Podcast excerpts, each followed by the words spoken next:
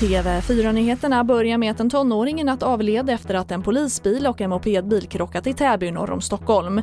Ytterligare två tonåringar skadades vid olyckan och fick föras till sjukhus men skadeläget är okänt. Olyckan inträffade strax efter midnatt när polisen var på utryckning till ett misstänkt inbrott. En mopedbil får köra i max 45 km i timmen och det är okänt vilken hastighet polisbilen färdades i.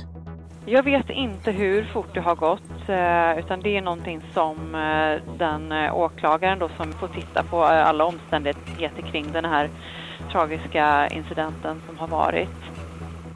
Och det sa Anna Westberg, presstalesperson vid polisen i Stockholm.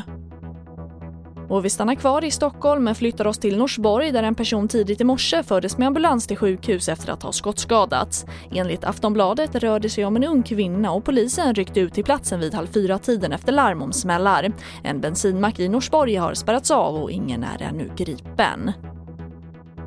Och klockan två i natt svensk tid kopplades rymdfarkosten Crew Dragon loss från den internationella rymdstationen ISS och påbörjade sin hemresa mot jorden med två astronauter ombord.